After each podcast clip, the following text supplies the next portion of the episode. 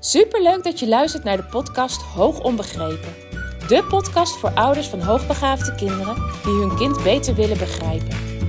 Mijn naam is Eveline Noordzij en in deze podcast deel ik tips en inspiratie zodat jij jouw kind beter gaat begrijpen, meer en meer in jezelf gaat geloven en durft te gaan vertrouwen op jouw intuïtie. Hoe ga je om met uitdagende situaties? Wat heeft jouw kind van jou nodig? En hoe zorg je voor verandering zodat jouw kind zich gelukkig voelt? Ik heb er veel zin in om dit allemaal met jou te delen. Dus laten we voor vandaag maar beginnen.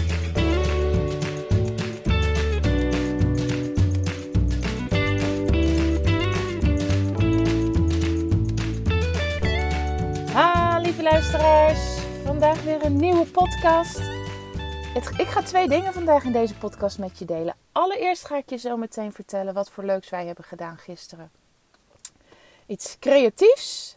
Ehm, dit in het kader van dat ik hoor en merk aan heel veel ouders dat ze zoekende zijn. Zoekende zijn in, ja, wat kan ik nou nog meer met mijn hoogbegaafde kind doen? Ik merk dat ik het elke keer weer iets nieuws moet bedenken.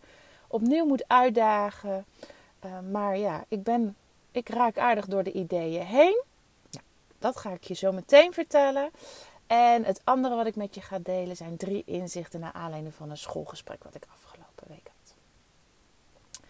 Oké, allereerst.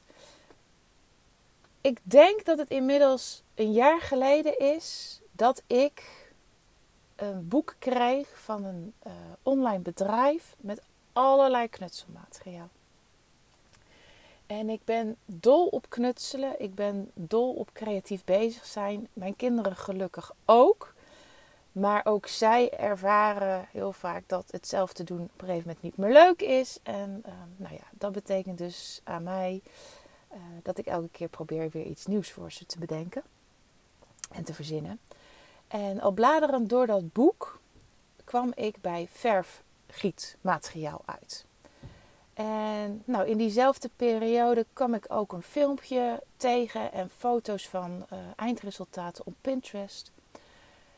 En dat was, ik vond dat zo gaaf om te zien. En zo, ja, zo knap en zo mooi, maar eigenlijk ook relatief simpel om ja, iets, een heel mooi uh, kunstwerk te kunnen maken. Dus uh, uiteindelijk heb ik al het materiaal besteld. Um, maar dat is een jaar geleden en misschien raad je het al. Het staat nu al een jaar in mijn kast op mijn praktijk en ik heb er nog helemaal niks mee gedaan. Nou, dat heeft ermee te maken dat ik uh, gewoon moest gaan uitzoeken van, goh, hoe moet dit nou toch allemaal? Hoe, het is, ja, je kan wel prachtige filmpjes zien, maar het proces daarvoor van hoe bereid je dat voor? Uh, wat zijn de verhoudingen?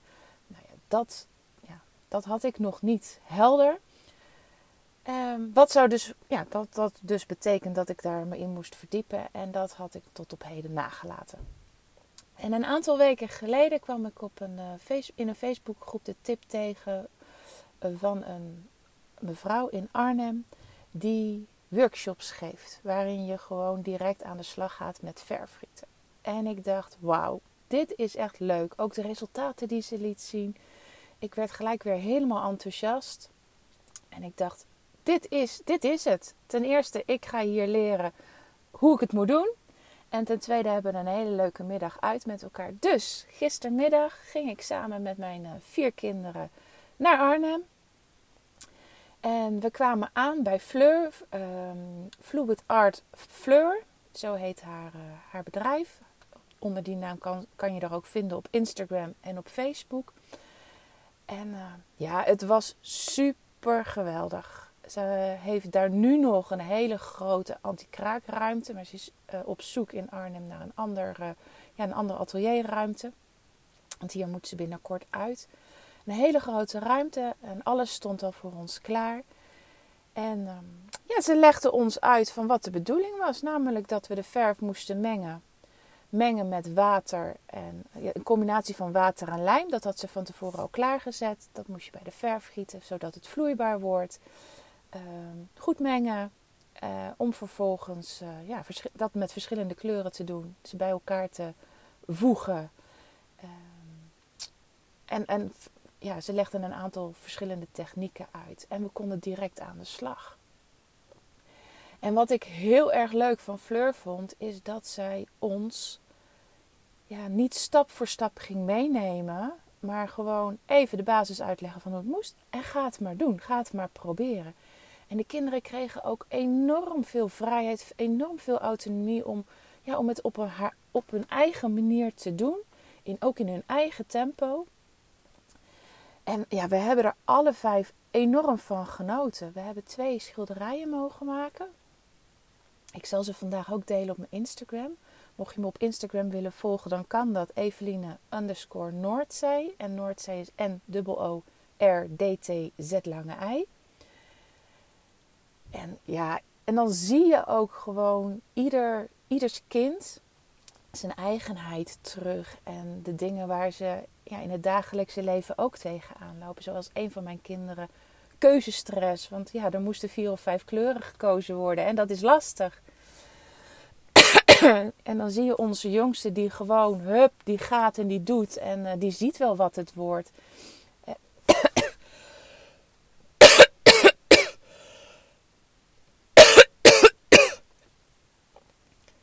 Ja, echt geweldig. En uh, waarbij de, uh, uh, sommige van mijn kinderen echt zoiets hadden van... nou, wat gaan we doen? Ik weet niet of ik het leuk vind. Hebben we alle vijf genoten. Dus het, het verfgieten op zich... want wij gaan het echt thuis oppakken, zo snel mogelijk. Ik ga eens even kijken wat ik nou precies vorig jaar besteld heb... en of ik alles heb, want dan kunnen we er direct mee aan de slag. Maar ook de workshop bij Fleur was echt ja, is gewoon echt een aanrader. Uh, ik zal de link uh, van haar uh, Instagram en haar Facebook zal ik ook gaan delen hier in de beschrijving van de podcast. Dus mocht je meer willen weten, meer willen zien, dan, dan kan je via die link bij haar terechtkomen. Nou, dat over gisteren. en dus een echte aanrader, verfgieten. Ga verfgieten. Zeker als je kind creatief is. Echt leuk. Dan het tweede gedeelte van deze podcast. En dat heeft te maken met een schoolgesprek wat ik afgelopen woensdag, nee, afgelopen donderdag heb gevoerd. Even een stukje voorgeschiedenis. Uh, ik ken deze ouders al langere tijd. Uh, jaren geleden zijn zij met hun kind ook bij mij geweest. Uh, hun kind was toen, ja, dat zat net het zou net zijn geweest voor de vierde verjaardag. En ik heb toen gekeken van goh, hoe ver staat dit kind? Hoe ver is het in zijn ontwikkeling?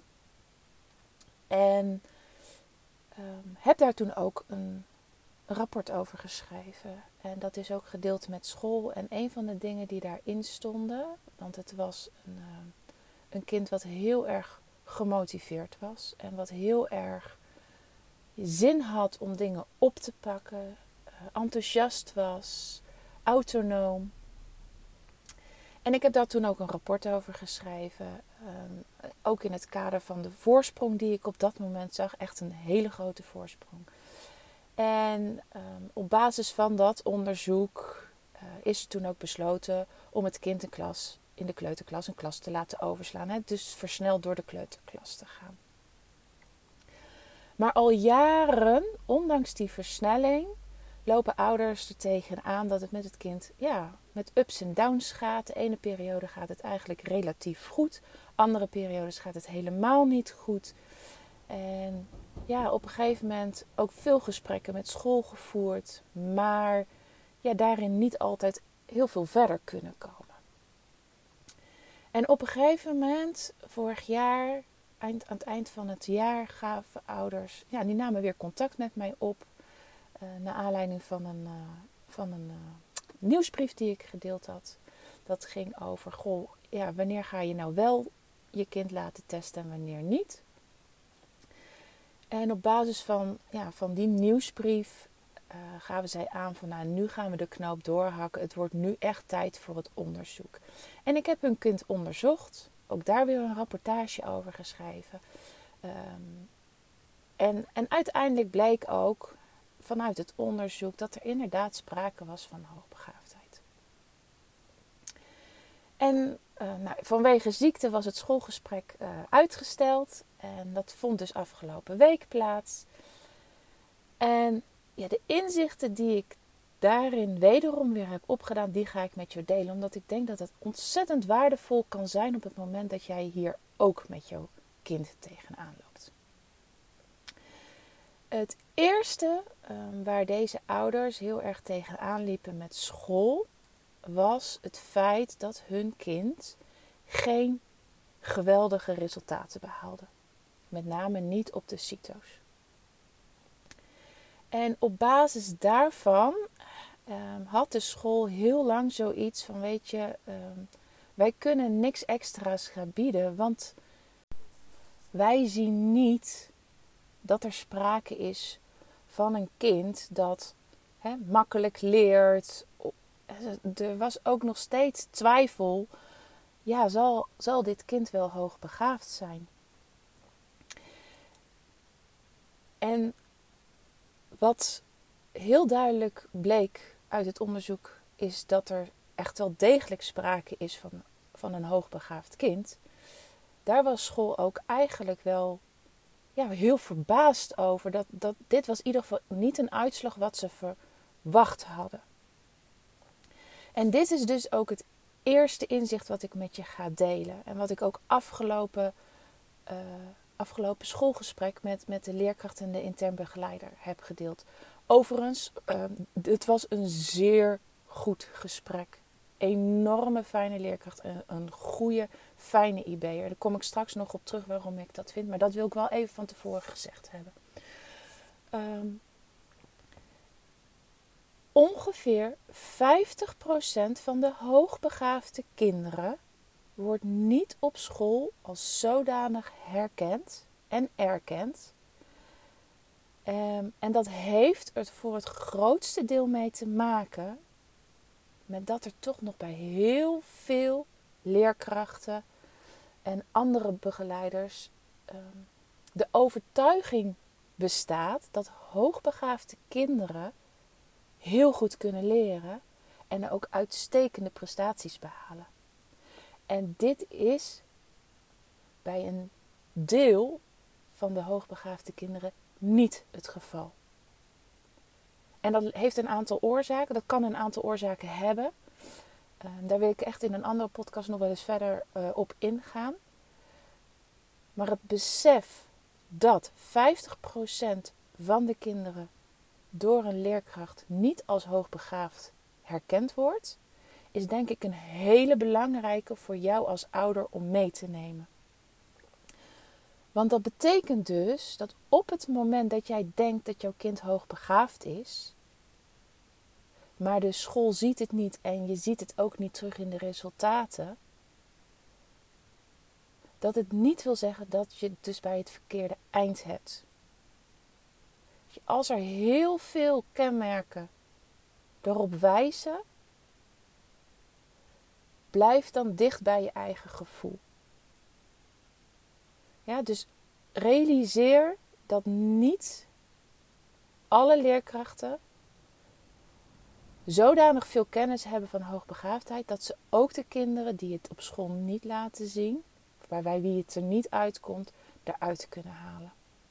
Dus laat je als ouder niet wegzetten met van, nou, ik denk niet dat jouw kind hoogbegaafd is of hoogbegaafdheid zal hier niet spelen, want het behaalt geen zeer opvallende resultaten. Dat is het eerste inzicht wat ik heel graag met je wilde delen. Het tweede inzicht um, heeft te maken met motivatie.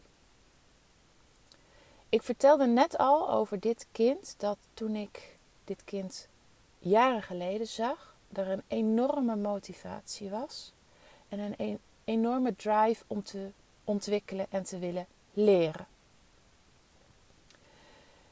Um, ik vroeg het ook nog bij ouders nog een keer na. Want dit is wat ik, wat ik had onthouden. Maar goed, het was natuurlijk ook al heel wat jaren geleden. En ouders bevestigden dit ook. Die drive die was er, die motivatie was er. En een van de dingen waar school nu heel erg tegenaan liep, was echt een motivatieprobleem. Het niet meer aankrijgen. Het niet gemotiveerd zijn uh, om nieuwe dingen te leren. Um, In ieder geval niet in de schoolse situatie. Of niet bij de standaard schoolse zaken. En ik zie, ik zie dit vaker. En ik zie dit als een teken dat een kind heel lang niet heeft gekregen wat het nodig heeft.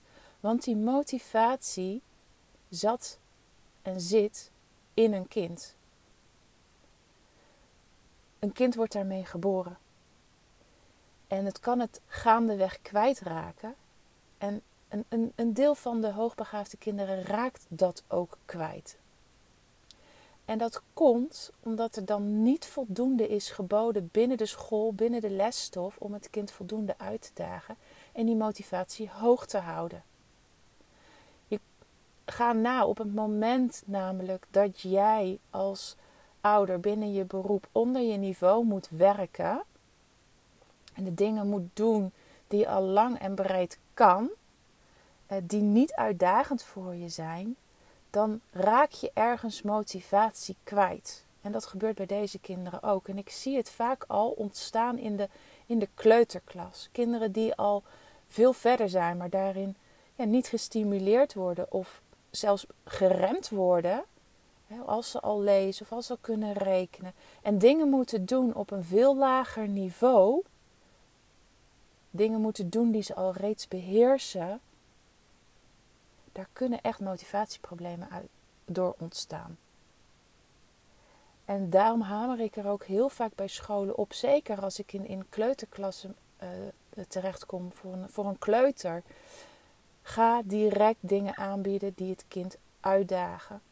Want als je dat niet doet, dan creëer je een motivatieprobleem. Tenminste, dat kan je creëren. Hè? Het is nog altijd kindafhankelijk of dat ook, ook, of dat ook gebeurt of niet.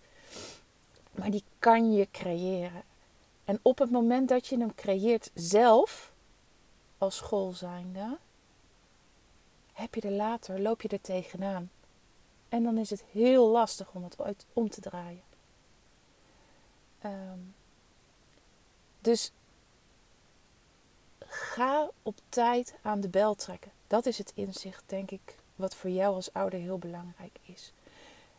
Zie jij al dingen voordat je kind naar school gaat die het beheerst? Ga het aangeven. Denk jij dat je kind hoogbegaafd is of in ieder geval meer aan kan dan wat er geboden wordt? Ga het aangeven. Weet ook wat een kind moet kunnen eindgroep 2. Dan kan je, dan kan je je kind uh, tegen afzetten en weten van hoe ver staat mijn kind en is het terecht dat ik denk dat mijn kind de voorsprong heeft. Oké, dat was het tweede inzicht.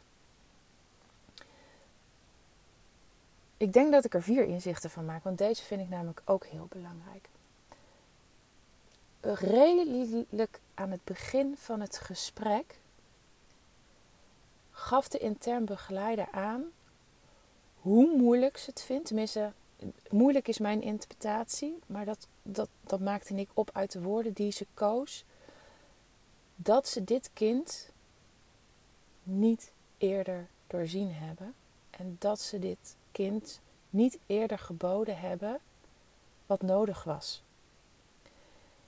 En zeker toen ik zei van 50% van de, van de hoogbegaafde kinderen wordt niet door, door leerkrachten als zodanig herkend, merkte ik aan haar dat het haar enorm raakte ik werd geraakt door hetgeen wat ze zei en door ja, het tussen aanhalingstekens schuldgevoel wat ze had. En ik werd ook geraakt door, door haar oprechtheid dat ze zei: Deze situatie leert ons zoveel, zoveel ook voor andere kinderen. Wij gaan nu met andere ogen ook naar andere kinderen kijken.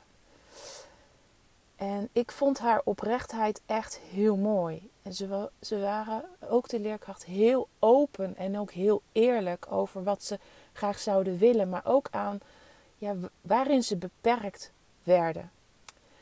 En deze ouders zijn ook heel open en eerlijk. En ik merkte dat door die openheid van beide kanten er een heel mooi gesprek ontstond, waarin er ook wederzijds begrip was.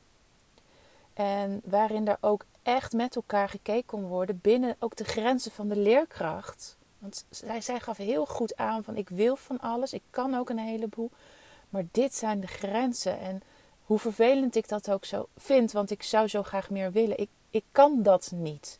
En dat vond ik ook echt, echt heel mooi. En doordat iedereen zo goed open aangaf uh, wat mogelijk was, maar ook waar de grenzen liggen en waar de wensen liggen,